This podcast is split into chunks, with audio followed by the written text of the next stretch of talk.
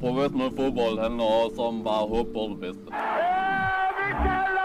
Hvis du sætter Martin Jørgensen helt op foran, så Brian og Michael ind, uh, ind midt for helt op foran, og Ebbe Sand helt op foran.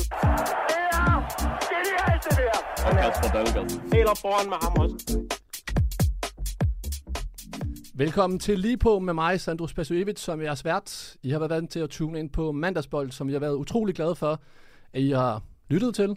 Men efter en lille vinterferie, så er vi altså tilbage med et nyt navn, nyt koncept og nyt logo. Ja, det, det er helt stort set nyt. Der er faktisk kun øh, lidt genganger. Det kommer vi ind på lidt senere. Det vi skal tale om, det er altså Superligaen, som jo endelig kom gang igen i, i den her weekend. Øhm, I lige på her, som, øh, som podcasten hedder, så skal vi runde øh, de store historier fra weekenden. Vi skal quizze med vores gæster. Så skal vi jo, ja, jeg glæder mig til at finde, hvem, øh, hvem årets bedste er i de her øh, sjove quizzer, vi har. Så skal vi høre nogle bødekassehistorier, som kommer senere. Det er nemlig sådan, at øh, partner på de her udsendelser, det er Discovery Plus og Mobile Pay. Men altså meget mere om de her quizzer og historier senere. Jeg startede med at sige, at det er vi, og det er jo fordi, jeg om mandagen aldrig har været alene. Det er som altid min tro væbner, og du må åbenbart have gjort det så godt, at du er jo blevet øh, kabret til øh, fart på, som kører om fredagen. Men lige inden jeg præsenterer dig, så skal vi lige høre en, øh, en lille præsentation af dig.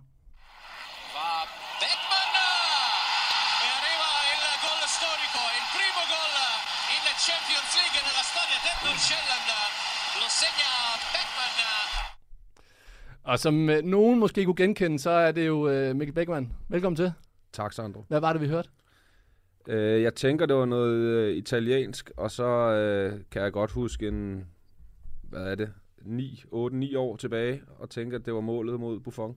Ja, og, det, og prøv at høre, jeg vil, ald- jeg vil ikke præsentere dig sådan her hver gang. Nej, tak. Bare lige have din selvtid lidt op, det kunne jeg se, det fik jeg. Ja, ja, jeg fik et lille smil på læben. Velkommen til. Tak. Vi skal jo til at præsentere vores øh, gæst, første gæst i lige på her. Og det er jo faktisk en af dine øh, gode homies. Ja. Så jeg vil prøve at lægge den over, over til dig. Ja, Hvis vi skulle øh, give øh, tre overskrifter til, øh, til vores gæst her, hvad Ja. skulle det så være? jamen, øh, øh, hvis den første, det skal være øh, ekstremt dårligt taber, ja.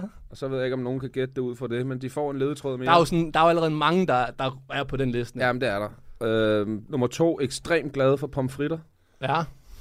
Så, så nærmer vi os måske. ja. Så indskrænker Øh, vi feltet nu. Ja, og den tredje, det er øh, et ekstremt dejligt menneske. Okay, jamen, så kan der jo kun være en jo. Jeg kan da ikke det? Og hvem er det? Jamen, det er Kevin Sture Ellegaard. Velkommen til, Kevin. Tusind tak. Hvad øh, de her tre øh, overskrifter, Ja, Mikkel han kommer med? De er spot on. Pomfritter. Ja, pomfritter. Jeg elsker pomfritter. Hvad sker der for det?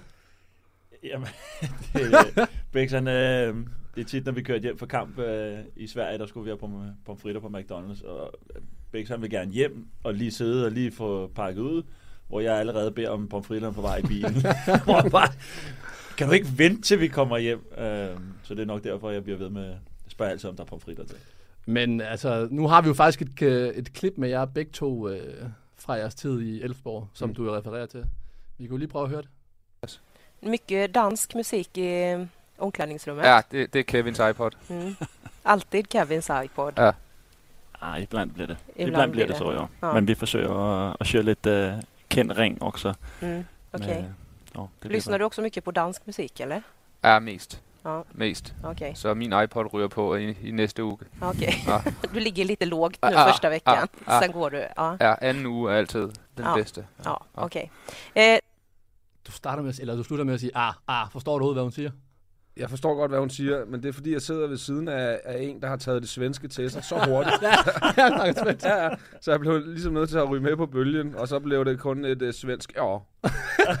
Men altså, det er jo det er sådan et klip, der det sætter fin ramme. Kevin, du, er jo, du stoppede din karriere. Ja. Du har fået et nyt job på uh, Discovery Plus, Ja. som er partner også på det her. Ja. Tillykke med det. Tak skal du have. Har du noget at savne fodbolden? Øh, ikke rigtigt endnu, må jeg være ærlig at sige. Øh, jeg elsker fodbold, øh, men det der med lige at, at stå op om morgenen, når, når kroppen har det, som den har, det, det savner jeg ikke lige. Øh, men det er klart, det der med at komme på træningslejre, de kommer hjem, og nu er Superligaen jo startet, så, så kribler det selvfølgelig en lille smule mere, det er klart. Men øh, det der med at stå op og have ondt, det, det er slut. Det kommer, så kommer der måske øh, noget paddle sammen med, med Beckmann her. Men øh, MobilePay, de er jo partner på den her udsendelse, og øh, de har jo den her gode øh, bødekasse-app, som jeg snakkede om før, Bikkel.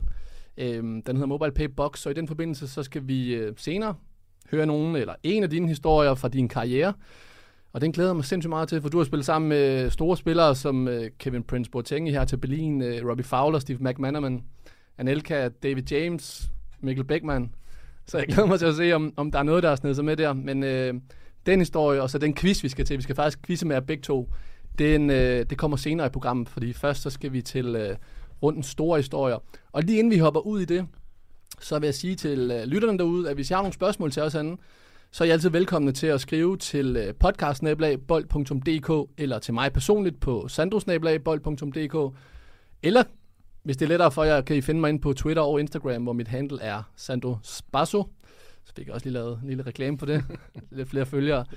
Øhm, og hvis du sidder derude og tripper for at give de her anmeldelser, eller den her podcast øh, en anmeldelse, så hop lige ind på, på alle de her øh, Apples podcast app, Spotify og så videre, og så smid den gerne fem stjerner, fordi så kan vi snyde Apples algoritme lidt i forhold til at øh, komme op i toppen. Og øh, Jens, lad os komme i gang.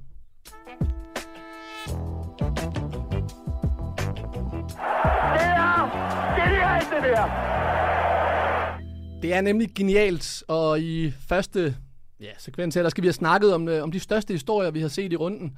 Og det er jo sådan, at jeg hver søndag aften, der lægger jeg en story op på øh, Bold.dk's Instagram-profil, hvor jeg har udvalgt øh, to af de største episoder, hvor, øh, ja, som skal give en bøde. Vi vil gerne uddele en bøde i forbindelse med, øh, at vi har MobilePay som, øh, som partner på de her udsendelser. Og brugerne, de kunne stemme, og det man kunne øh, stemme på, den første situation, det var fra Sønderjyske AGF-kampen, hvor vi har den her Lawrence Thomas, øh, jeg skulle sige drop, men han dropper jo to gange. Det kan vi lige komme ind på senere. Øhm, og det gør jo sådan, at AGF faktisk vinder den kamp. Den anden situation, den var finde i Nordsjælland, hvor øh, Brøndbys nye svenske angriber, Karl Bjørk, som de så pænt sagde på øh, Discovery, han brændte en, øh, en gigachance med hovedet. Øh, vi kan lige prøve at høre, hvordan det lød i går, da, øh, da han brændte den chance. Bold i dybden her. Andreas Brugs. Brugs med indlægget. Kæmpe mulighed! Nej, så bliver de ikke større.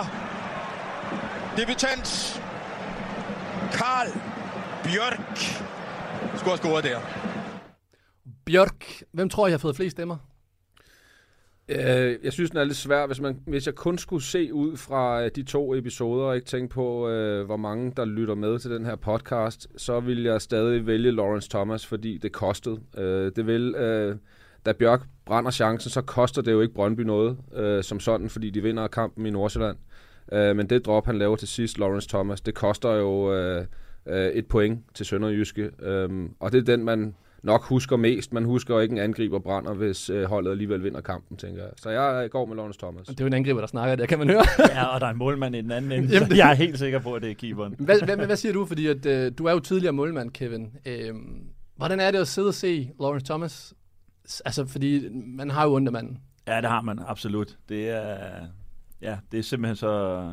Det er synd for ham. Men er han, han er jo vel, altså hvis vi skal sige det, han er jo skurken. Han er skurken, og øh, det er sådan, det er at være målmand. Øh, man kan også... Øh, man kan også være kæmpe held, ikke? Så det, det, det er det, vi lever med ved at være målmand, at der er, der er den risiko. Og jeg er sikker på, at han nok skal løfte sig igen. Men øh, lige i det moment der, der er det simpelthen... Øh, ja, det er et blackout. Ja, det og risikoen ved at, at være målmand oven i det, det er jo, at, at hver evig eneste gang, du laver en graverende fejl, så koster det oftest. Mm.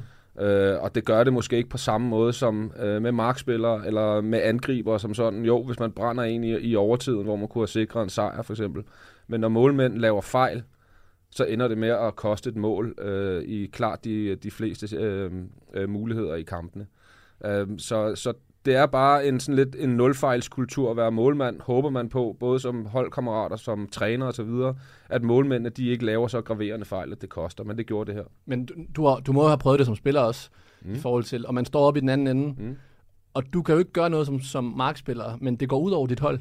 Ikke så, mig bag du har aldrig kigget ned med de her store øjne og bare tænkt, Kevin, hvad du laver. Jamen altså, hvad, hvad er det, fordi at du, hvis nu I spillede sammen i to, så vil du også kigge tilbage på Kevin og sige, for helvede, altså, det, men der er jo ikke noget at gøre jo. Gang 100. Ja. Jamen, så hvad sker der i omklædningsrummet efterfølgende? Jamen det vil man, men altså, øh, jamen, der sker jo ikke noget i omklædningsrummet, fordi øh, alle kan jo godt se, at Lawrence Thomas er nede i kulkælderen. Han, altså, siger, jo ikke, han siger jo ikke engang undskyld. Nej. Det er der ingen grund. Altså, nej, nej. Folk spørger også, når de siger, man så undskyld nede i omklædningen. Det gør man jo heller ikke. Nej. Altså alle ved jo godt, at det er som det er. Der behøver der bare lige en holdkammerat eller fem, der lige kommer over og giver dig et, et klap på skulderen, og så, øh, og så må du bare æde den. Øh, og så, Jamen er der, nu, nu for lyttere derude, som ikke spiller fodbold, ja. som ikke kender den her kultur, hvordan der er i et omklædningsrum, de kan jo godt måske tro lidt, at man kommer ned i et omklædningsrum, og så skal nærmest skal holde en tale. Men du siger, det siger du, det gør man ikke. Det gør man ikke. Altså, den eneste måde, du siger undskyld i et omklædningsrum på, det er, hvis man øh, laver, altså, tager en dum beslutning. Altså, helt, Men helt, det her var der lidt en dum beslutning. Jamen, det er ikke en dum beslutning, det her. Det her det er i forhold til gameplan Mm. og ting og sager. Ligesom at sige, okay, det var ikke det, jeg forholdt mig ikke til det, vi havde aftalt og ting og sager. Det her, det er... Det kan være, hvis man sætter sig ud over holdet. Altså får Ja. ja. øh, nummer to gul kort for at tage trøjen af efter en scoring, for Præcis. eksempel. Idiotisk øh, rødt kort. Øh, sådan nogle ting, hvor man sætter sig ud over holdet. Det her, det er jo... Øh, altså, øh, manden gør, hvad han kan, og alle ved, han, øh, han er den, der er hårdest ramt. Plus, altså, han har været super godt kørende i, i sæsonen før, ikke? Oven i købet. Vi har jo den her sekvens øh, efterfølgende i postmatch-interviewet med Magdal Hente, som jo går ud og forsvarer sin, øh, sin målmand. Og så endda efterfølgende der, så har vi jo på Somi, øh, jeg ved ikke om jeg har set den situation med Mads Albeck, som går ud på Sønderjyskes øh, Instagram-profil, og skriver direkte til Sønderjyskes fans, at øh, hvis, de, øh, hvis de har problemer og har noget dumt at sige, så må de meget gerne møde op foran øh, anlægget, så skal han... Hvad, hvad, hvad synes I om det, at der er sådan to store spillere i klubben, der træder frem og så forsvarer? Det viser der, øh, det viser der noget styrke. Altså, øh, og hvorfor skulle man ikke det, øh, skulle jeg til at sige, som, øh, som holdkammerat, altså støtte op om sit hold. Øh, og jeg ved godt, at øh, det er et forfærdeligt tidspunkt, og Sønderjyske skulle komme ud øh, øh, med buller og brag, og øh, har virkelig, virkelig noget at spille for. Øh, men, men holdkammeraterne og så videre, de ved jo godt, Lawrence Thomas, han er nede i et hul. Øh, så selvfølgelig skal han have en arm omkring sig, fordi ellers så får de aldrig gravet ham op igen, og så kommer der den ene og den anden og den tredje fejl øh, i næste kamp også, hvis ikke de får repareret på ham. ikke for hvad i det, men hvor mange gange skal en målmand, sådan, nu kan jeg spørge dig, Kevin, fordi nu har du været dernede, du har sikkert også fucket op i det mange gange. Hvor mange gange skal man fucke op, før at, at man ikke kan gå ud mere og sådan forsvare, for hvis Lawrence Thomas gør det i næste uge, så taber det jo også lidt effekten. Ja, det gør det. Øh, Det er meget, meget svært at sige, hvor mange gange man kan gøre det. Øh, Specielt hvis det koster. Så, Ja. så til sidst så bliver det for dyrt. Øh, Det, det er svært at sige, hvor mange gange du har. Men jeg, jeg var selv anden målmand i Herrenfen, og startede der, øh, og der havde vi en, øh, en målmand, der hed Kenny Stepper, som stod de tre første kamp i, i æres divisionen, og han, og han står rigtig dårligt de to første kamp. Øh, Og der sidder du derude og- og, og det, det gør man ikke engang, fordi jeg prøvede bare at sørge for, at jeg står godt til træning, så Mm. at det blev mere tydeligt, at hvis han var dårlig, og jeg var voldsom til træning, så er det sådan... Ja, ja, har ikke behov. det, det er den, jeg har ikke behov for at være sådan imod ham på den måde. Ja. Øhm, Men lad os give, øh, lad os give bøden til, til Lawrence Thomas. Og nu vil det jo være sådan i, øh, i fremtiden, så vil vi få en terning fra MobilePay, som vi så skulle øh, kaste herinde, og så vil der stå et beløb, øh, som gæsten så skal spytte i kassen. Så øh, Kevin, du spytter bare i kassen nu her for, øh, for vores gæst, og så, øh, ja, så finder vi ud af, hvad det beløb er på. Der skete jo meget mere i den her weekend. Der kom jo noget af en bombe i går aftes. Øh, lige pludselig ud af ingenting, så hører vi jo, at, øh, at Jack Wilshere, han, øh, han skifter til Aarhus. En 30-årig engelsk landsholdsspiller med et vanvittigt imponerende CV. Og den blev breaket sådan om aftenen, øh, samtidig med at Brøndby øh, jo havde deres kamp. Vi kan lige prøve at høre, hvordan øh, Niels Frederiksen, hvad hans- hans take på den her transfer var i går i, i studiet. Jeg synes jo, det er spændende, hvis vi øger niveauet på vores øh, Superliga helt generelt. Og jeg synes jo, mange af de spillere, der kommer udefra med stor erfaring, de er med til at løfte niveauet i Superligaen. Så det synes jeg at som udgangspunkt er positivt. Øh, der skal stadigvæk helst også indimellem, men det er der jo også alle steder, også oppe i Aarhus, være plads til, til, de her, til vores egne unge øh, danske talenter, som vi også skal udvikle på. Så Wilshere kan også bare komme ind? For min skyld ingen alarm. Altså, det er en fuldstændig vanvittig transfer. Jeg kan huske i 2011, en 19-årig Wilshere, der er banens bedste spiller mod, øh, mod Barcelona. Fuldstændig outstanding performance. Kevin, hvad siger du til, til sådan en transfer her? Jeg synes, det er fedt, at man kan hive sådan et navn til Danmark. Jeg håber selvfølgelig på, øh, at han er, at han er god nok, og han er klar til at spille. Det, det er klart sjovere for os alle sammen. Men det giver jo en kæmpe bevågenhed til, til Superligaen også. Øh, der er jo mange, der, der ved, hvem han er. Så det er super fedt for Superligaen, og jeg håber virkelig, at han kan, at han kan bidrage med noget, noget fed bold også, for det er virkelig en dygtig spiller. Men det går jo ud over nogle spillere. Altså, det går, går det ikke ud over deres talentafdeling. Det må jo, det må jo koste nogle spillere en plads i startelveren. Tænker på Albert Grønbæk måske, eller nogle Ja. af de andre. Jo, altså, og så kan man sige, øh, hvor langt er AGF med deres øh, talentafdeling. Øh, så det er måske ikke der, jeg vil kigge til at starte med. Selvfølgelig er der deres øh, egen Albert Grønbæk, som spiller samme position. Øh, men personligt så har jeg det sådan lidt, Øh, sådan lidt dobbelt med de her øh, øh, store transferbomber, der kommer, fordi på den ene side, så synes jeg, det er vildt fedt, at Superligaen kan tiltrække så store navne, og på den anden side, så er der også en grund til, at så store navne lander i Superligaen. Så, så må der være et eller andet andet, som, som ikke rigtig er godt. Altså nu tænker jeg måske øh, skadeshistorik. Nu tænker jeg Wagner Love på 37. Der er øh, Over the Hill måske. Øh, øh, der har været mange andre. Bentner kommer hjem, øh, leverer ikke rigtigt. Øh, Van der Vaart Van der også. Vaart, Van der Johan Duro. øh, Johan Duro. Altså, der er en grund til, at de kommer til Superligaen. Og det er måske fordi, at øh, for det første, at alderen er ved at løbe fra dem, eller at kroppen ikke rigtig holder. Altså, det er de to springende punkter, jeg kan se, siden at man kan tiltrække sådan nogle navne. Øh, men jeg synes, det er super, super fedt, og jeg synes, det er et fedt krydderi. Men jeg håber så sandelig også, at der er nogle af de her store navne, som kan bidrage på banen, så vi kan se, hvorfor at det er, de har været så store navne før. Jamen lad os bare tage den. Hvad, hvad, hvad kan han bidrage med, Kevin, på, på det her AGF-hold?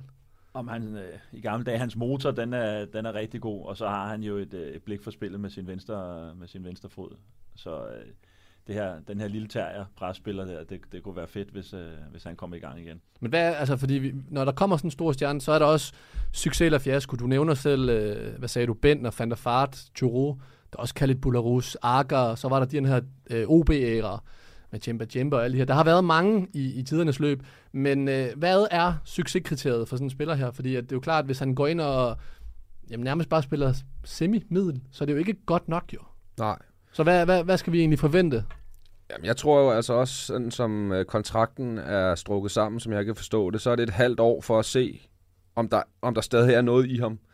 Øh, og hvis AGF er glad for det, de ser, jamen så har de en option på at, at kunne forlænge. Det har jeg læst mig til i hvert fald. Øh, så det er jo, øh, nu havde jeg at sige lotto men nu gør jeg det alligevel, men det er jo lidt ala, ala den retning. Øh, fordi det er en mand, der har været ekstremt meget skadet. Altså det er tæt på halvdelen af hans karriere, han har siddet ude på grund af alt muligt forskellige øh, småskader. Så der er jo selvfølgelig en historik der. Og det er den, jeg tror, de skal se, om de kan få over på den anden side, og se, om de kan få en fedt Jack Wilshere. Og kan de det, som jeg virkelig, virkelig håber for Superligaen, så er det en, en spiller på allerhøjeste niveau. Tror du, at øh, han kan være den øh, x-faktor, kan man sige, som sådan bringer AGF op i top 6? Øh, nej. Tror du ikke? Nej, ikke i år.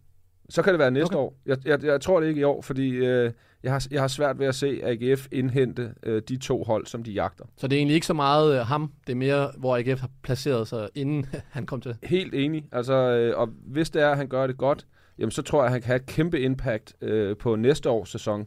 Men lige øh, nu her billedet, der tror jeg ikke, han kan gøre en forskel for AGF og top 6. Og han har, heller ikke, han har heller ikke spillet kamp længe, så det ville være mærkeligt, hvis han kunne gå ind og bare diktere øh, AGF's midtbane og, og Superligaen øh, på den måde. Øh. Men tror du, han bliver en, øh, en succes? Eller fiasko? Og det er også det, hvad målmanden er på, men lad os bare sige frem til... Men succes er vel, at han er, han, er, han er klar til at spille. Jamen er det det? For ham må det jo være. Jamen, ja, men for ham, men så sådan skadet. for os, der kigger. For os, der kigger, at hvis han spiller kampene, så, så kan vi jo sidde og nyde det, og Mhm. ligesom... Øh, at det, for Superligaen skal ikke bare være en liga, at øh, de her jeg vil ikke sige afdanket, det lyder, det lyder hårdt, men hvis der har været en lang skadesperiode mm. eller historik, at de bare kan komme til Superligaen øh, og lige se, om de kan holde sig i gang bare et halvt år for at se, om, om de er klar, Ja. så vil de videre igen. Det skal det helst ikke være jo.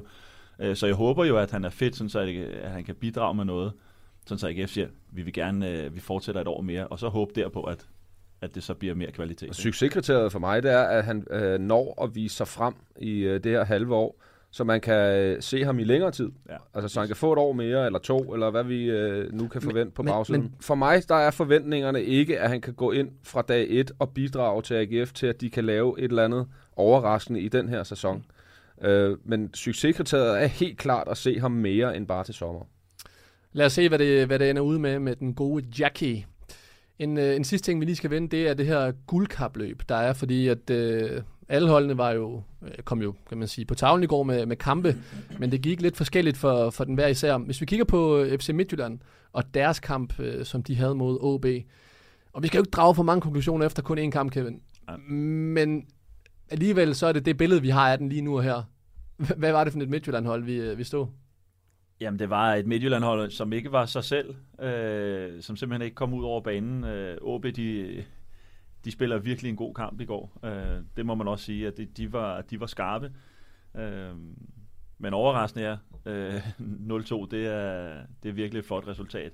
Men jeg synes, man skal rose Superligaen. Altså, jeg synes, der er, der er blevet brugt penge både i top og bund. Ikke? Mm. Der er alle vil gerne øh, bidrage, og, og altså, det er helt åbent det race der omkring at vinde, øh, at vinde Superligaen. Og i bunden, der, der giver folk der også chancen. Kaster ikke håndklædet i ringen. Der har været mange, øh, mange transfers. Og, så jeg synes, at det er interessant for, for Superligaen, at der, at, der, at der bliver brugt penge. Ja, og også at der er åbnet op, men det er jo ikke den mesterskabsklasse, at vi egentlig havde forventet. Altså, det er mod OB. Ja. Lad os bare være ærlige, de har været gode, men det er trods alt Midtjylland. Ja. Hvor langt fra den her mesterskabsklasse er vi øh, efter første kamp? Øh, jamen, altså, jeg, øh, jeg er sgu ikke så kritisk, faktisk. Altså, øh, de tager også øh, forårspremieren hjemme til OB, hvor alle også havde tænkt, nu kommer Midtjylland braven ud og skal vinde det her mesterskab tilbage, og så ender de med at tabe 2-1 hjemme til øh, OB i, i, i runde 1. Øh, nu gør de det samme i, øh, i, øh, i foråret her. Øhm, så det undrer mig egentlig ikke det store, at de, øh, de laver sådan en. Jeg synes jo mere, at man skal kigge på øh, det, det lidt længere løb, fordi Midtjylland har igennem en, øh, en længere periode udviklet sig spillemæssigt, synes jeg, under Bo Henriksen. Altså måske en lille smule overraskende, at de har udviklet sit spil. Jeg synes, de er blevet meget mere powerful. Øh, jeg synes, der er kommet mere flow i deres spil. Øh, men alt det ramte de bare ikke i går. Og når øh, Midtjylland ikke har energi i holdet, så kan de ikke udføre den form for fodbold, som Bo Henriksen gerne vil. Øh, så, så for mig, der ligger det i, at, øh, at de ikke ramte et energiniveau, der var godt nok, samtidig med, at de mødte et OB-hold, som var sindssygt godt forberedt. Hvad så? Nu nævner du selv OB, altså at, at de rammer niveauet. Mm. Skal vi tage dem ind i kampen til, øh, altså der er jo trods alt kun fem point op til, til FCK.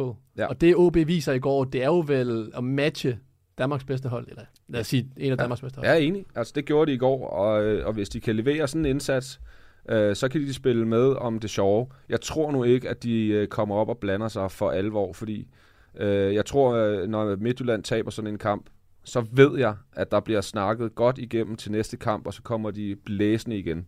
Øh, sådan er det med tophold. Vinder de en enkelt, jamen så, øh, øh, så slår de tilbage kampen efter. Det tror jeg også på, at, at Midtjylland gør. Men jeg er imponeret over OB, også med den her øh, opstart, de har haft uden en træner og lidt uvidshed og så videre. Øh, men jeg tror faktisk, det her det viser et OB-hold, som har altså virkelig en god øh, spirit og holdånd, fordi det er lidt svært for spillere at løbe i en helt opstart og have en midlertidig træner. Selvfølgelig er det det samme trænerteam eller assistenttrænerteam, som var sidste år, øh, og det er de samme øh, idéer, som øh, i hvert fald Hiljemark øh, har kørt videre fra Cifuentes. Mm. Cifuentes var jo en eller anden form for en mentor for Hiljemark også, da han kom op. Øh, så de har kørt det der øh, koncept videre, øh, og det synes jeg er stærkt af OB. Jeg havde en lille smule tvivl på, hvor de stod, øh, men når jeg så dem i går, jamen så, så er det et OB-hold, som ikke har mistet noget på grund af den her trænersituation, som de er i. Hvad, hvis vi så bare tager FCK og, og sammenligner med, fordi at hvis vi, hvordan ser du i forhold til FCK's præstation i går, som jo har en første halvleg mod, mod OB, som jo måske ikke er meget bedre end det øh, Midtjylland præsterede, men alligevel til sidst, så formår de at vinde jo. Hvis vi skal sammenligne de to præstationer, Kevin, hvor, øh, hvor ser du den så? Efter en kamp godt nok. Efter en kamp. Jamen, øh, de var kyniske. Øh, de spiller faktisk en, øh, en, en, en fin, øh, fin første halvleg OB. Øh, men øh, ja, jeg ser bare FCK, de, øh, jeg synes, de har gjort det rigtig godt på transfer, transfermarkedet, og jeg tror, de bliver, jeg tror, de bliver rigtig farlige. Men det tror jeg som sagt også Midtjylland gør. Jeg tror det samme som Bex. Altså, de, øh, de, de er såret lige nu efter den kamp der. De kommer bullerne efter, efter sådan en nederlag der, det er jeg helt sikker på. Jamen, de har, altså, nu, sådan- du nævnte det til at starte med, at der kom mange tilgange i, i Superligaen. Øh, Nikolaj Jørgensen startede ind Mm. i, i parken i går. Hvordan synes du, at øh, hans præstation var? Nu fik vi den nye mand, Bubakar, som scorede. Ja. Hvordan gjorde vores øh, dejlige vente, som har været ude? Ja, altså jeg synes, det var en anonym indsats, for at være helt ærlig. Øh, der var ikke øh, øh, så meget, der lykkedes for ham, øh, men det var også øh, en svær kamp at være med i for FCK, fordi de ikke ramte, øh, øh, i hvert fald det offensive, der var ingen relationer, der rigtig sad i skabet. Øh, og mod et OB-hold, som øh, overraskede mig spillemæssigt, der var, der var en masse relationer, som, øh, som sad der, og det tror jeg også, den her kontinuitet, som OB har haft med, at det er de samme spillere, som går igen, øh, og nu har de lært hinanden at kende og så videre. Der kunne man godt se, at der var en forskel på øh, lidt nye spillere, der er kommet ind for FCK, kontra et OB-hold, som øh, har haft den samme stamme i, øh, i et stykke tid efterhånden. Øh, så det overraskede mig ikke så gevaldigt, at det var det kampbillede i forhold til, hvad, jeg har hørt mange andre sige, at øh, hvorfor er FCK ikke øh, mere boldbesiddende, og hvorfor dit og hvorfor dat. Der er, det er svært at sætte relationer sammen, når man har så mange udskiftninger i sin trup. Øh, og derfor så, så er det ikke så overraskende, at OB havde det kampbillede for mig, fordi jeg tror på kontinuitet, at det giver over en, en periode øh, både resultater, men også en masse gode relationer. Kan vi bare lige skal runde af på Brøndby.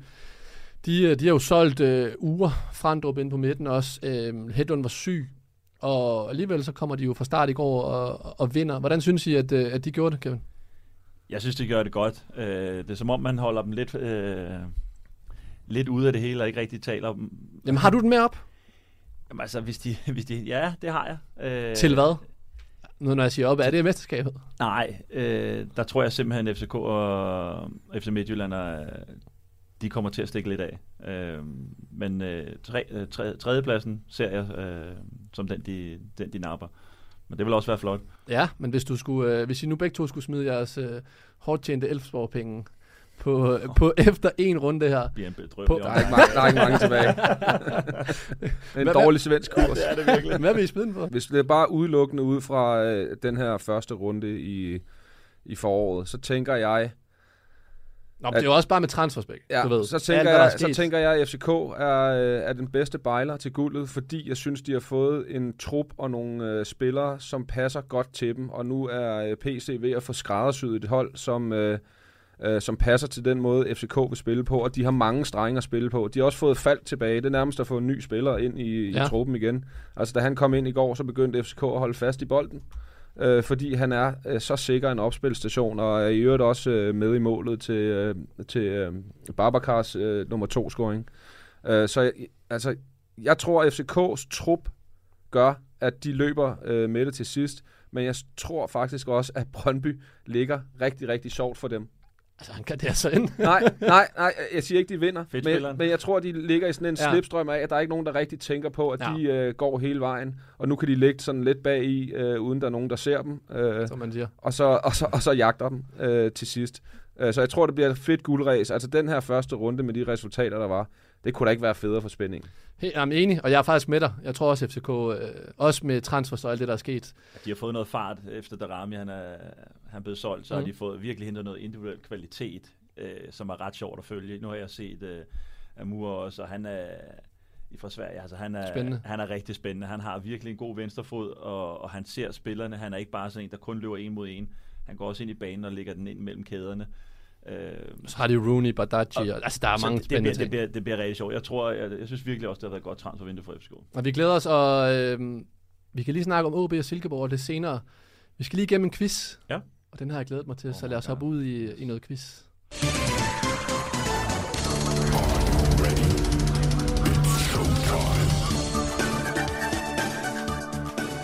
Nå, så er vi jo kommet til lidt af det sjove her, for vi skal ud og quizze. Det er nemlig sådan, at øh, vi her i foråret, der øh, skal vi have kåret den bedste quizzer i det her program her. Vi får en ny gæst ind hver uge, Beckmann. Ja. Du kommer til at sidde her sammen med mig alle gangene. Vi skal jo finde, finde ud af, fordi der er, jo, der er jo mange forskellige typer i et omklædningsrum. Nogle har sindssygt meget styr på fodbolden, andre aner ikke en skid, hvad der foregår. øh, og jeg kunne godt tænke mig at finde ud af, Kevin, hvor, øh, hvad Discovery Plus de har købt ind på her. Ja. Så øh, du skal i en varmestol, men det skal du først lige efter, at vi har fået øh, Beckmann ind i en varmestol. Han skal nemlig først, lige inden vi kommer på, hvem, øh, hvem er jeg skarpest til, til sådan noget quiz? I må have spillet meget af sådan noget, når I kedede jer op i Ja, Elfsborg. det er jeg. Det her Er det rigtigt? Ja, Bix, han er, Okay. men han er også, han er Okay. også virkelig god. Det er, sådan lidt, det er lidt unfair, at det, det er quizze, vi skal.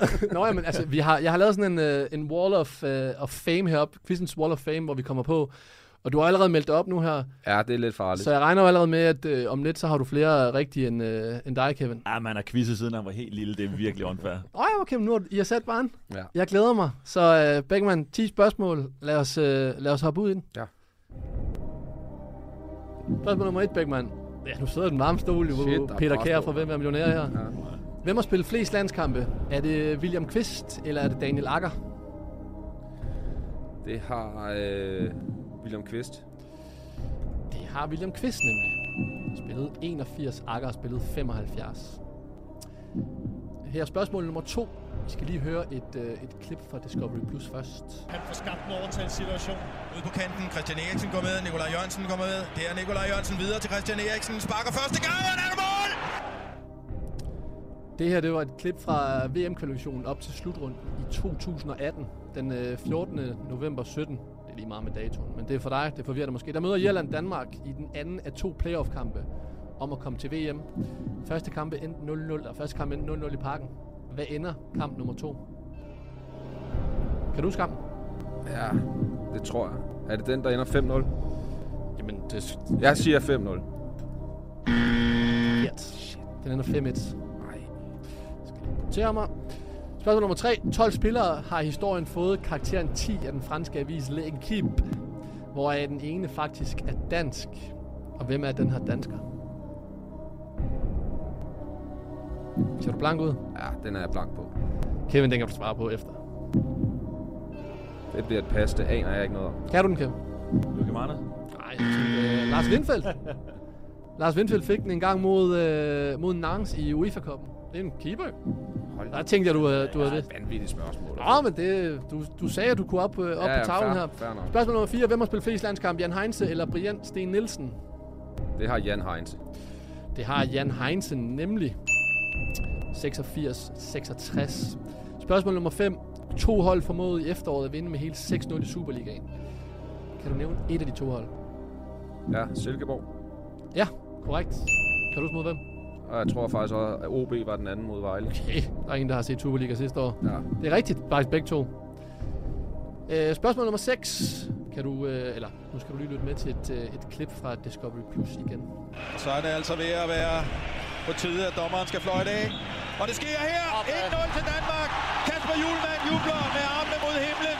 Det gør alle spillerne også. De er kvalificeret til VM 2022 i Katar. Spørgsmålet lyder, den 12. oktober 21, der møder Danmark Østrig i parken og kan spille sig til VM med en sejr. Men hvad ender kampen Mod Østrig. mod Østrig? Ender... Øh, den ender 2-0. 3-0. Den er 1-0. Ender den kun 1-0? Den er kun 1-0. Spørgsmål nummer 7. Danmark spillede fem kampe til VM-slutrunden 98 i Frankrig, da de røg ud i 8. delsfinalen. Kan du nævne fire af de fem modstandere, Danmark de mødte i den slutrunde? 98. I 98. Ja. Har du været en knejt? Øh, Brasilien. Ja. Nigeria. Ja. Øhm. Oh, her. Hvem møder de i gruppen der? Var det fire, jeg skulle nævne? Du skal nævne, hvad er skrevet. Du skal nævne fire af de fem modstandere. Ja. Du har nævnt to. Tre mulige tilbage. Ja. Nej. Senegal? Nej. Desværre. Det var Saudi-Arabien, hvis du tænker på det, Sydafrika og Frankrig. Ja. Så er her. Spørgsmål nummer 8. Hvem er den yngste Superliga-debutant nogensinde i Superligaen? Rooney. Nej. Det er faktisk Jeppe Kjær. Fra Horsens. Han var 16 år og 0 dage. Okay. Så vil jeg starte inden. Spørgsmål nummer 9. Hvilken sæson var den sidste af slagsen, som øh, kun gav to point for en sejr?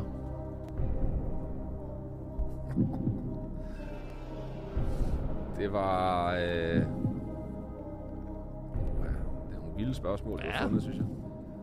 Det var tilbage i... Øh... 91. Så 91, 92? Ja. Forkert. Det er også en meget god tavle, der kommer på nu. Jamen altså. Sidste spørgsmål. Silkeborgs forsvarsspiller Oliver Sonne. Han er en ufattelig smuk mand. Men han har det jo ikke fra et hvilket som helst sted. Hvem er han i... øh, Eller hvem er han nevø til? Helena Christensen. Det kan, det kan du. Ja, det kan jeg. Alt, der ikke har noget med fodbold at gøre, åbenbart. Det kunne jeg så også. Kunne du det? ja. Korrekt. Skal vi se, hvad vi ender på? 1, Det var ikke godt. 2, 3, Store præsterer. 4 rigtige, Bækman. Skuffende. Fire rigtige. Meget Så må vi se, om, øh, Jeg har om vi... præstationsangst. Tror du, du kan stikke den senere? Det håber jeg virkelig, jeg kan. Jeg vil rigtig gerne vinde. Nu har du sat bare en mere, skriver den på efterfølgende. Inden vi, øh, vi kommer til dig, øh, Kevin, så skal vi lige, og jeg glæder mig til at se, om du kan, om du kan stikke, fordi jeg har jo sagt, at du er bedre så skal vi lige til et, øh, et fast segment, som vi har her i podcasten. Vi skal nemlig over kigge på kærligheden over på heden.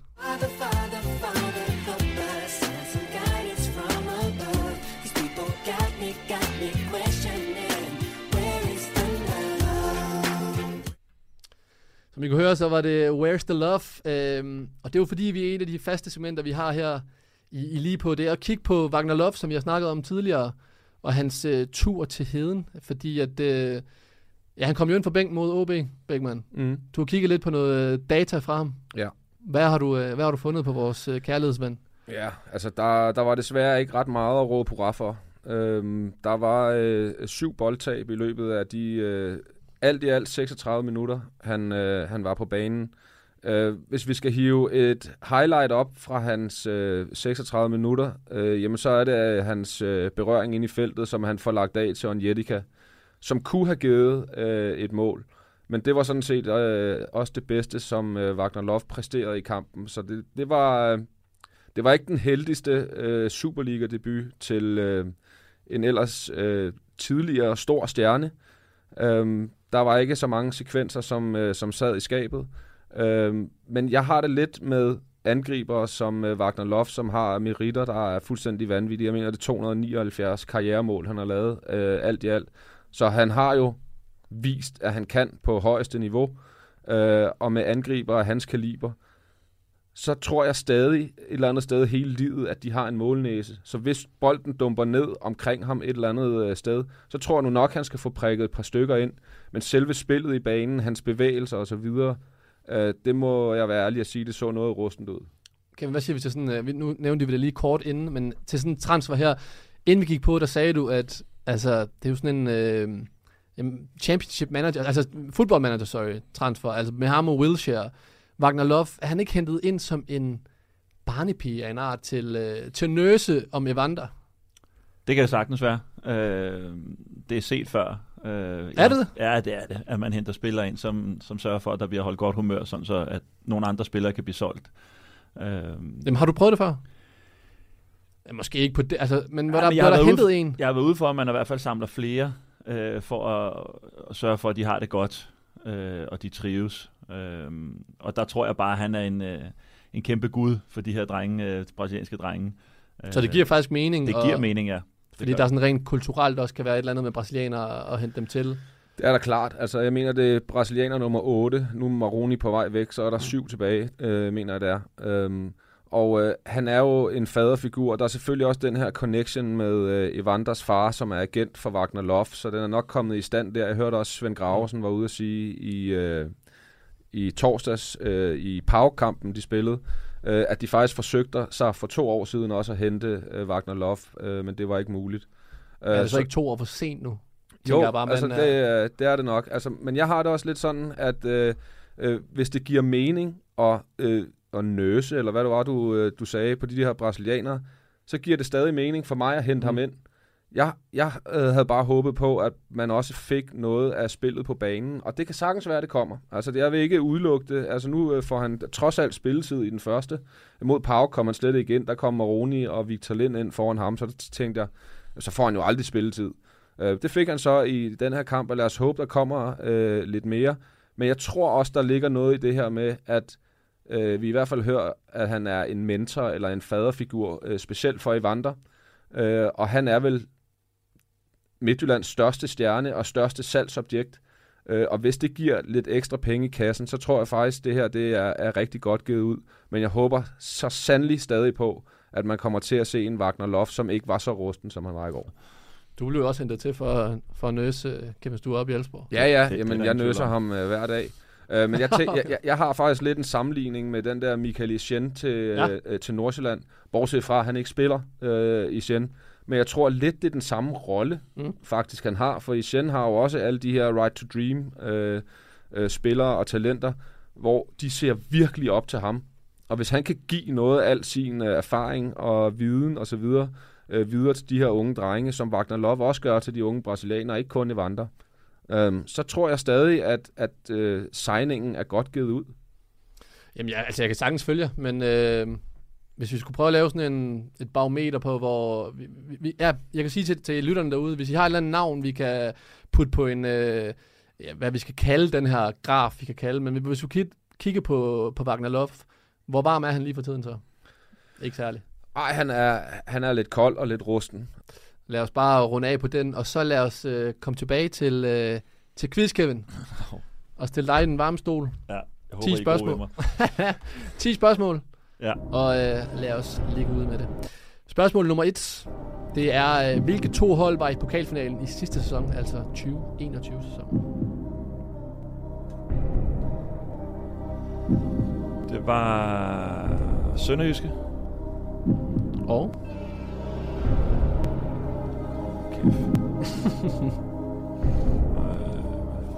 Jeg kan bare tage så god tid. Oh, der bliver gestikuleret ind i studiet her. Det er en stor hjælp, men... Øh, Nordsjælland. ej, der, Beckmann spiller bare på sig selv, og der er jo så også alle Superliga-klubber at vælge imellem. det er Randers og Sønderjyske. Det er rigtig Randers. Spørgsmål nej, nummer to. ellers. Hvor mange mesterskaber har OB vundet?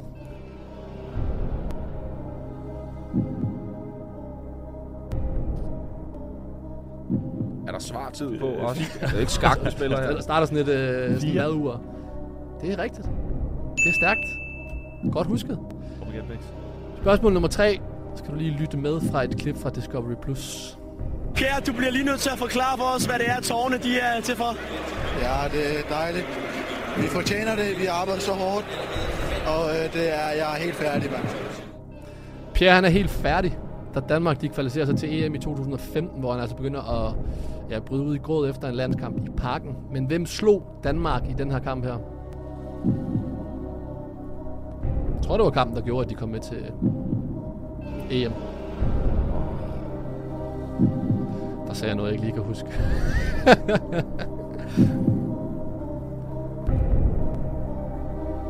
Det ved jeg simpelthen ikke. Bare byde på et europæisk land. Så kan jeg gøre sådan her. Ja, altså, er forkert. Spørgsmål nummer 4. Der er 40 minutters forskel mellem Jakob og Peter Ankersen. Men hvem er den af storebror? Det er Peter. Det er Peter nemlig fra FCK. Spørgsmål nummer 5. Hvem er all-time topscorer i Superligaen?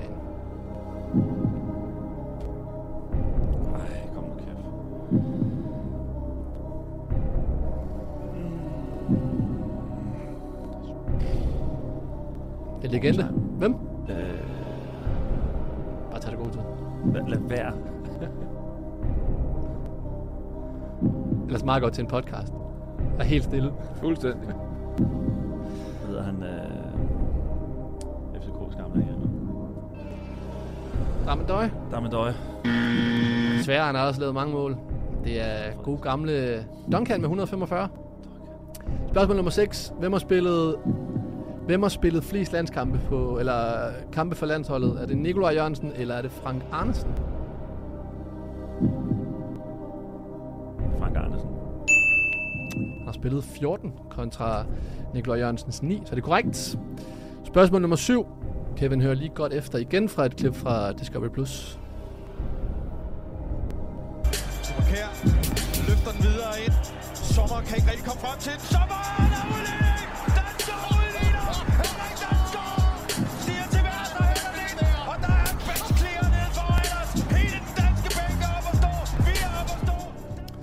Ja, vi var alle sammen oppe at stå der i 2019, da Danmark øh, mødte Schweiz og spillede 3-3. I klippet der hørte vi øh, dem kommentere Dalsgaards mål til 3-3 i et, i et vanvittigt comeback. Kan du huske ham? Mm. Nævn to af de andre, eller nævn en af de to andre målscorer, hvis du kan huske den fra den kamp. Dalsgaard scorer altså til 3-3 til allersidst. Du kan måske. Jeg skulle have haft de 10 spørgsmål der. Om han er kun på tre nu her. Gør... Bare en. Christian Eriksen. Bytkær. Korrekt. Og Sanga. Du er stadig på 3, Kevin. Spørgsmål nummer 8. I 1994, der havde OB tabt den første kamp mod Real Madrid med 3-2 i UEFA Cup. Men hvad ender returkampen, og hvem scorer?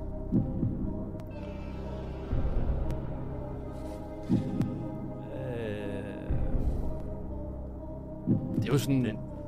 Skal man kunne... Ja. Det er jo fodboldhistorie. Jeg kan bare huske Lars Høghs præstation. Ja, det var vanvittigt. Øh, vinder de 1-0. Og... Vil man gøre det? Jeg vil ikke give nogen ledetråd. Nej. Det ved jeg simpelthen. De vinder 2-0. Ulrik Pedersen og Morten Bisgaard, der scorer kampen. Scorer kampen, der scorer målene, der snakker om. Spørgsmål nummer 9. Har vi fundet et, øh, et lille klip igen, som du lige skal høre? Uh, kun når Kevin han står på mål, så scorer jeg. Uh, men uh, nej, jeg uh, har igennem min karriere altid uh, godt kunne lide at afslutte og, og laver meget selvtræning ved at afslutte. Så um, det er det sjove ved at spille fodbold, synes jeg. Rimelig selvsikker Bækman, man hører. Men på odendo.dk, der kunne man i 2020 købe en times individuel træning med Mikkel Bækman. Det var en aktion, men hvad endte den her auktion på? Enten på 462 kroner, 1144, 1921, eller var den gratis? Hvor god en afslutter var han? Han var jo rimelig selvsikker i det her klip. 462. 1144. Kan du huske det? Jeg tror, den ender på 1921, faktisk. Hvilket er voldsomt jo. Det er helt sindssygt beløb. En time jo. Ja, og det lidt sjove er, at øh, hvorfor 1921, tror jeg? Øh, det er fordi, du er født der. Nej, men tæt på. Det er der, hvor Lønby Boldklub blev stiftet, så må det ikke der har været en fan, der har budt det beløb. Der lige går ind og byder 19. Okay, men kom nu, den havde vi sikkert derhjemme. Så er du bare ude og træne en eller anden i en time? Ja, jamen, selvfølgelig. Nå, jamen, det kunne godt være. Jeg ved ikke om, altså, det, det er okay, ja, fedt. Vi har faktisk talt om det derhjemme. Hvor er det vildt. Ja. Nå. Kom nu, Kevin. 19, øh, 1900 kroner. Lad os hoppe til, til det sidste spørgsmål. I to I har spillet et hav af kampe sammen, men I har kun stået over for hinanden tre gange. Og det skete i 07-08 sæsonen. Hvor mange mål har Bækman lavet på dig, Kevin, i de tre kampe? Kan I huske det? Uanset hvad, så siger jeg bare 0. øh, ja, 0. Kan du huske det? Jeg tror en enkelt. Du scorer faktisk en, øh, et mål ja. i en 2-2-kamp. Ja. Så det... Øh, I Randers. Der var lidt... Et. Så sluttede den. Hvad ender du på? 4, tror Du vinder faktisk på 3. På 3. Oj, Ja, tak. Så Bækman, han, øh, han er foran.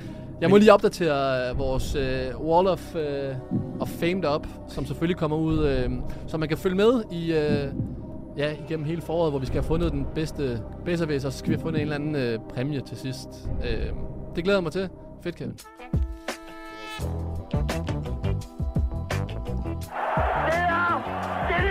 der! Nå, hvis vi skal vende nogle af de andre hurtige øh, kampe, der var. Vi snakkede tidligere om øh, Silkeborgs offensiv, som øh, blandt andet også har været vanvittig. Hvad siger I til de tre op foran? Øh, jamen det, jeg synes, det er imponerende, at de bliver ved. Øh, det må jeg sige. Øhm, nu har de stået for 22 ud af Silkeborgs 29 mål indtil videre. Altså, det er jo en fronttrio, enhver øh, træner ønsker sig at have. Altså, øh, nu joker de lidt med at kalde sig selv VHS, øh, og vi kan vel, øh, for ikke at sammenligne noget, men så var der jo MSN i, øh, mm. i, i Barcelona øh, og så videre. Men, men det er jo på det antal mål, øh, som, øh, som de laver, øh, der er de på øh, sådan øh, Superliga-termer jo deroppe af, hvor øh, nogle af de største stjerner og angrebstrioer, de har, har funklet tidligere. Øhm, så det er øhm, imponerende, at de bare bulrer videre øh, efter en øh, flot, flot efterårssæson. Øh, så kan det godt være øh, lidt svært for øh, Silkeborg, som i øvrigt stadig er oprykker jo, skal vi huske på, øhm, at komme ind i en forårssæson mod et Vejlehold, som har kniven for stroben allerede, og så øh, spiller de dem, øh, for at sige det mildt, ud af, ud af græstæppet, eller kunstgræstæppet i Ja. Silkeborg. Jeg synes, det er imponerende, at de bare øh, bliver ved. Men som øh, vi også har været inde på tidligere, Kevin og jeg, kontinuitet, det betaler sig bare i længden. Det er overbevist om. Og det Silkeborg har gang i, øh, det er øh, alt det, som Vejle ikke har gang i. Det er et hold og en klub i fuldstændig øh, øh, balance. Og spiller øh, med super relation. Og spiller med super relationer, og Vejle med øh, nærmest det stik modsatte. Jamen, altså gik det, var det, var det Silkeborg, der simpelthen bare var for gode, eller var det Vejle omvendt, der var bare for ringe? Eller er det sådan en, Nej, en Silkeborg var for gode. De havde, det var det kampbillede, man havde forventet sig med det samme. De havde bolden hele tiden. Øh, og det var et spørgsmål om tid, for at, at Vejle skulle blive trætte, fordi de havde ikke, de havde ikke meget at byde med fremad, fremad i banen heller. Øh, så de kunne ikke holde, holde, når de endelig fik bolden, så kunne de heller ikke holde i den.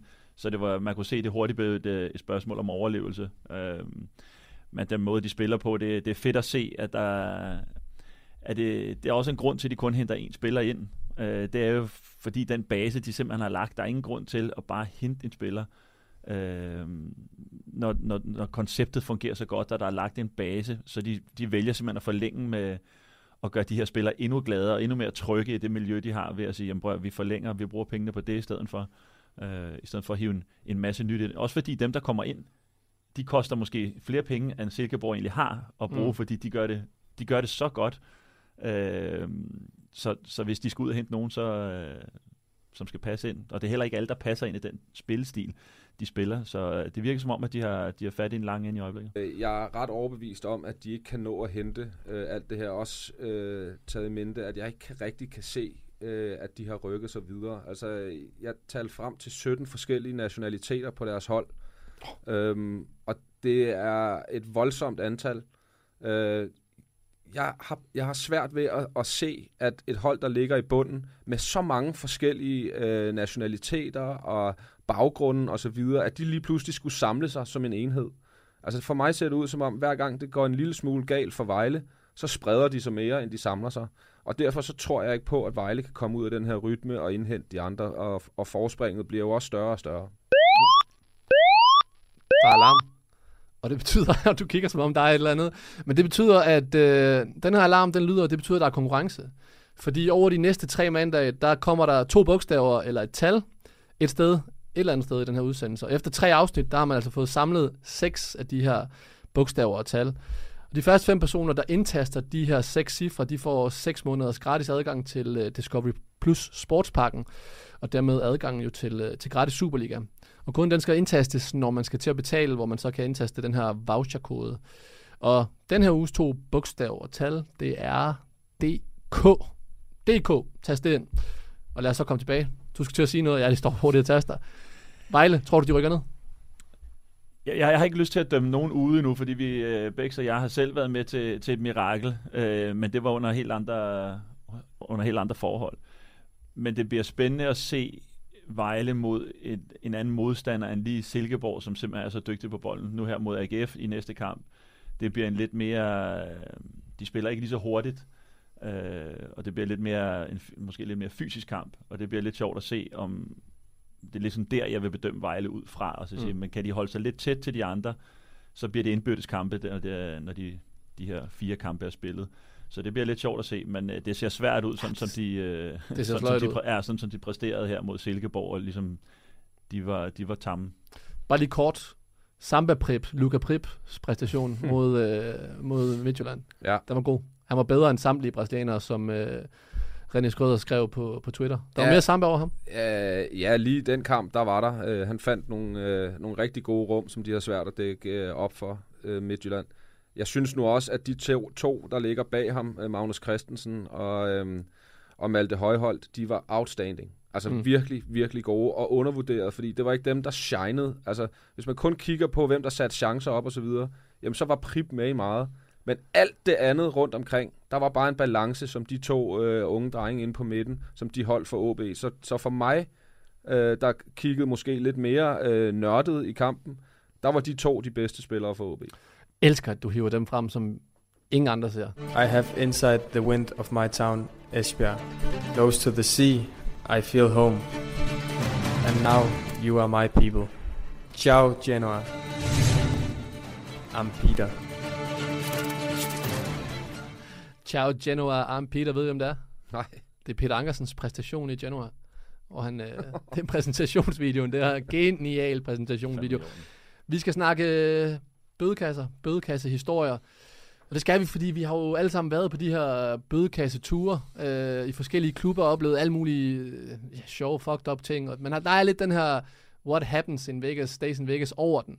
Øhm, og jeg glæder mig, Kevin, til at høre nogle af dine, eller en af dine, for det som jeg nævnte tidligere, du har spillet sammen med en masse store spillere. Og jeg tænkte på, er der forskel, nu når du har spillet øh, i Elfsborg, City, her til Berlin, er der forskel på måden, som de her, altså jo større stjerner er det vildere. Nej. Det er det ikke. Jeg synes, at, øh, at alle drenge, når de er på bødekast, du beter sig som små drenge og, øh, og hygger sig og har det sjovt. Øh, så nej, alle store som små spillere, de, øh, alle det bliver bare... Det er vildt nok. Ja, Men er der ikke forskel også, når man... Hvor gammel var du, da du kom til City? 18. Når man som 18-årig kommer op i en trup, og der er de her store stjerner, der foregår også noget. Altså nu har vi jo, kender vi jo historierne med Robbie Fowler sidenhen, og nu ved jeg ikke, om nogen af de andre har, har skilt sig ud. Vi, vi ved jo, at Kevin Prince Boateng har er vant til at hygge sig også. Ja, ja, og Joey Barton spiller med City, som, øh, som slukkede en cigaret i øjet på en af spillerne. øh, altså det, I omklædningsrummet? Nej, øh, til den her årlige Christmas do, man har. øh, og jeg ender med at få et, øh, et ordentligt, en ordentlig knytnæve på kæben. Ja. Øh, jeg ser en mand falde ned over et bord med en masse flasker, og tænker, han slår hovedet ned i bordet. Så tænker jeg, ej, hvor er han fuld, ham her. Og, og jeg tænker, jeg vil hjælpe ham, så jeg går lidt hen og kigger, og så kan jeg bare mærke, at nu kommer der et eller andet på siden. Så er det sådan en klassisk engelsk lille bulldog af en fyr med engelsk, øh, engelsk landsholdstrøjen, som bare klasker mig sådan ind på kæben. Så var det, fordi han havde fået at slå ham den anden ned. Og jeg prøver at kigge op og tænke, nu kommer der en regnby og slag. Så kigger jeg lidt op, så kan jeg se, Bishop står over bag gardinet. og altså, Kevin, kom herover, kom herover, Kevin. Jeg så det godt. Det var rigtig vildt, det der. Jeg så det godt. Kom herover. Så var det, fordi at Nelka havde, hele historien til det var, at Nelka havde været ude og sige et eller andet omkring Uniteds fans, tror jeg var. Øh, og så, øh, så brød de ind til den her fest, vi havde, og, og der var kæmpe tumult lige pludselig, fordi de prøvede at få fat i ham. Så vi blev låst inde til sidst i et, øh, i et rum. Vi nåede, Bishop og jeg nåede bare aldrig rigtig med i det rum der. Øh, Så I stod ude? Så, så vi var ude midt i, i hele den der ballade, der foregik, øh, og prøvede at komme forbi øh, den her kæmpe klynge af slag, der væltede rundt. Men det, altså, var det en bød, var det, var det sådan en Det er det, man- bødekassetur, I var på, eller? Ja, men det er ikke en tur, det er bare det her Christmas, årlige Christmas Nå, man havde ja. i, i gamle dage, hvor man, øh, hvor man havde en gang, hvor man ligesom var ude og give den gas. Øh, Er det sådan en ting, der også øh, løsner det sådan op, altså i holdet? Fordi nu har vi også hørt Lester, der var i, i, i København, i, iklædt Ninja Turtles. Ja. Er det sådan en, øh, bare for lige at komme lidt væk? Øh, Ja, det er jo ikke så tit, at de får lov at komme ud, og specielt ikke mere nu her. Det var lidt mere de, de gamle tider. Øh, så ja, det er det. det. De skal også have lov at komme ud og, og hygge sig og bruge nogle af alle de penge, de tjener. Men du har da også Men- øh, må oplevet nogle af de der øh, vanvittige... Øh, Ja, ja. Det har jeg da. Ja, vi havde en sammen også, altså en bødekastur, hvor vi... I? Øh, ja, hvor vi faktisk skal til Prag. Øh, vi er rigtig overtændte. Vi glæder os virkelig meget til at skal komme afsted. Så vi ryger ud og hurtigt ind for at tjekke ind og komme ind og lige kan sidde og drikke, inden vi skal på flyveren. Begge er allerede først og har allerede bestilt en flaske vin. For det. så vi ender med at sidde øh, og drikke en flaske vin og lidt øl på siden øh, og nogle chili nuts. Og øh, kommer ind på flyveren, og øh, den ender med, at lige pludselig sidder vi der i halvanden time, hvor den bare ikke rører sig. Så er der åbenbart, jeg ved ikke, noget galt med motoren, så vi må ud igen. Ender med at sidde, jeg ved ikke, hvor mange timer ude i lobbyen, og bare hamre os ned, du ved, og tømmer sådan en, en champagneball, hvor der ligger alle mulige sådan nogle små øh, miniatyrflasker af, af sprit i. Og vi, vi tror, vi skal afsted lige om lidt, men du ved, tiden går, tiden drikker går, mere. så man drikker bare mere og mere og mere og mere. Til sidst så får vi at det er, det er aflyst, men vi kan få en flyver til Frankfurt. Øh, og så, jamen, den hopper vi på, og der dør Bex så mig bare fuldstændig den flyver der. der, der er kassen er så gået af ballonen. så vi ender jo med at ryge op. Folk de ryger ud i byen, men Bex og jeg, altså vi er helt knækket og ryger op, og vi har det så dårligt. Ryger op og går kolde op, i, øh, op på hotellet. Øh, og, og lige ved at miste flyveren dagen efter, for vi lander så i Frankfurt, og så skal dagen efter, tidlig morgen, skal vi til, til Prag. Øh, men der er, der er vi helt sådan, vi er lige ved at miste, og vi håber et eller andet sted, vi misser det. Ja. Vi håber lidt, at de glemmer os, men sådan to figurer er vi ikke, så vi, man vi bliver ikke lige glemt. Øh, Så Bæksen bliver vækket med en gang øh, cola i ansigtet øh, af Lasse Nielsen og, Johan Larsson, og siger, nu skal I altså med. Og vi sådan, ja, vi kan godt bare, vi kan mødes, vi kommer senere. Nej, I skal med nu. Så jeg må tage Bæks over skulderen og selv krige afsted, ud over ned i taxaen for at... Men vi kommer stærkt igen. Vi ender i Prag. Vi, kom vi kommer rigtig godt igen. så du var hans barnpige jo. Ja, lige et øjeblik Det var jeg. lige et der var øjeblik du. var jeg. Jamen, det var du. Det var Og så fik vi noget god mad, og lige... Så kørte bussen sgu Ja, ja. igen. Så stod vi der igen. Du endte med snørebåndet rundt som, øh, som hårbånd igen. Ja. De er fedest nogle historier. Altså, det er bare fedt at høre, fordi der, der foregår alt muligt sådan nogle øh, ture. Ja. Så det er, og det er altid fedt at høre med de, med de store spillere. Men øh, til, til jer lyttere derude, så øh, kan I faktisk også være med på, hvis I øh, smider en, øh, en bødekassehistorie ind til os. I kan nemlig vinde en ret fed præmie. Det er nemlig sådan, at hvis I deler jeres dummeste, dyreste, billigste, ja, whatever, bøde, I har fået, eller I har uddelt ude i jeres klub, og sender det til, øh, til mig herinde på podcastnabelagbold.dk, så deltager I i den her konkurrence, hvor vi smider 10.000 kroner på højkant. Og de penge, som vi hver mandag tidligere, som du smed i, i bødekassen, Kevin, Dem samler vi selvfølgelig også sammen, og de ryger også i den her øh, bødekasse, som vi så senere finder vinderen på året. Øhm, det glæder mig til, hvilke historier vi får. Fed historie, Kevin. Tak for det. Det er genialt, det der! Så er vi kommet igennem øh, første afsnit her, øh, Bergman. Ja. Hvordan er det gået? Jeg synes, det er gået øh, rigtig, rigtig godt. Øh, på nær quizzen. Ja. Og nu vi snakker quiz, når du har stillet mig så mange fuldstændig forrygte spørgsmål, fordi jeg vidste, at du ville få mig øh, øh, til at se dårligt ud herinde med dit øh, forholdsvis ringe spørgsmål, jeg Ah. synes, du havde øh, fundet til mig. Så har jeg øh, fundet et enkelt quizspørgsmål, som du skal have også. Og det er jo derfor, øh, Kevin spurgte, hvorfor du har computer med. Det er derfor. Det er derfor. Du sidder og researcher. Ja, det har jeg. Ja. Så ærgerligt. Og jeg har nemlig researchet på øh, en, øh, en kamp i går, øh, FC Nordsjælland mod, øh, mod Brøndby. Ja. Hvis man kiggede efter FCN's øh, holdopstilling, så var det en ren nordisk startelver, som FCN spillede med. Ja. Så det vil sige, at der var to svenskere, en nordmand, en finde, og resten var danskere. Ja. Hvornår har Nordsjælland sidst haft en startelver uden en right to dream spiller i startelveren? Altså, hvornår har de sidst spillet en kamp, øh, hvor de ikke har startet med en right to dream akademispiller? Er det 81 kampe siden? Ja. Er det 91 kampe siden? Er det 121 kampe siden? Eller er det 151 kampe siden? Det er sådan nu rent psykologisk. Du bringer den sidste på banen, bare for at trække den op og gøre den vildere. Måske. Så det bliver den øh, tredje 100, ikke den du sagde 61. men den- 121? Ja. Og det er skide irriterende. Jeg er læser dig så godt, Ja, det er så godt, vildt, hvor det er det psykologisk. Hvor er det godt, det er Ej, psykologisk, du bringer den sidste på banen. Der har vi den. Ja, Sådan. men det er rigtigt. Så kommer jeg også på tavlen herover. Tak for det, Brinkmann. Den kan Fortjent, du fortjent. komme med en lidt svær en Men der kan, du se, der kan du se, jeg kan jo ikke hamle op med sådan en quizspiller, når han bare hiver sådan noget en nordiske spiller og begynder... Han Men det er meget sjovt fun fact, synes jeg. Ja, men Altså. så har vi da også lige, hvem var den bedste quizzer. Ja, Ej, er en ud af en. Fedt. Tak. Ja, Tak for den quiz. Og den var voldsom, det var rigtig godt svaret. Ja. Det var ikke... Nå, Ja. til jer lytter derude, så kunne I lige øh, få, hvem der var lidt bedre i quizzen her. Men I kan huske at lytte med til øh, Fart på, som udkommer hver fredag med dig, Beckmann, hvor ja. Du sidder sammen med Svensson. Og der er jo noget spændende i næste uge, hvor I øh, gør jer klar til weekenden. Og øh, ellers så sidder vi jo klar, som vi altid gør her om mandagen. Kevin, tak fordi du øh, var med i dag. Tak fordi jeg må, måtte være med. Og som øh, god gamle Richard Møller Nielsen sagde, selvom noget har stået i formiddagsaviserne, så kan det godt en gang imellem være sandt. Vi ses derude.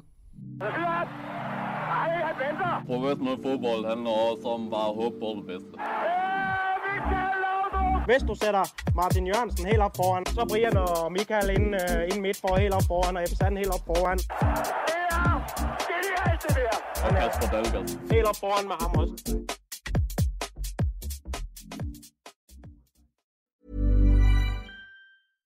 Tired of ads crashing your comedy podcast party? Good news.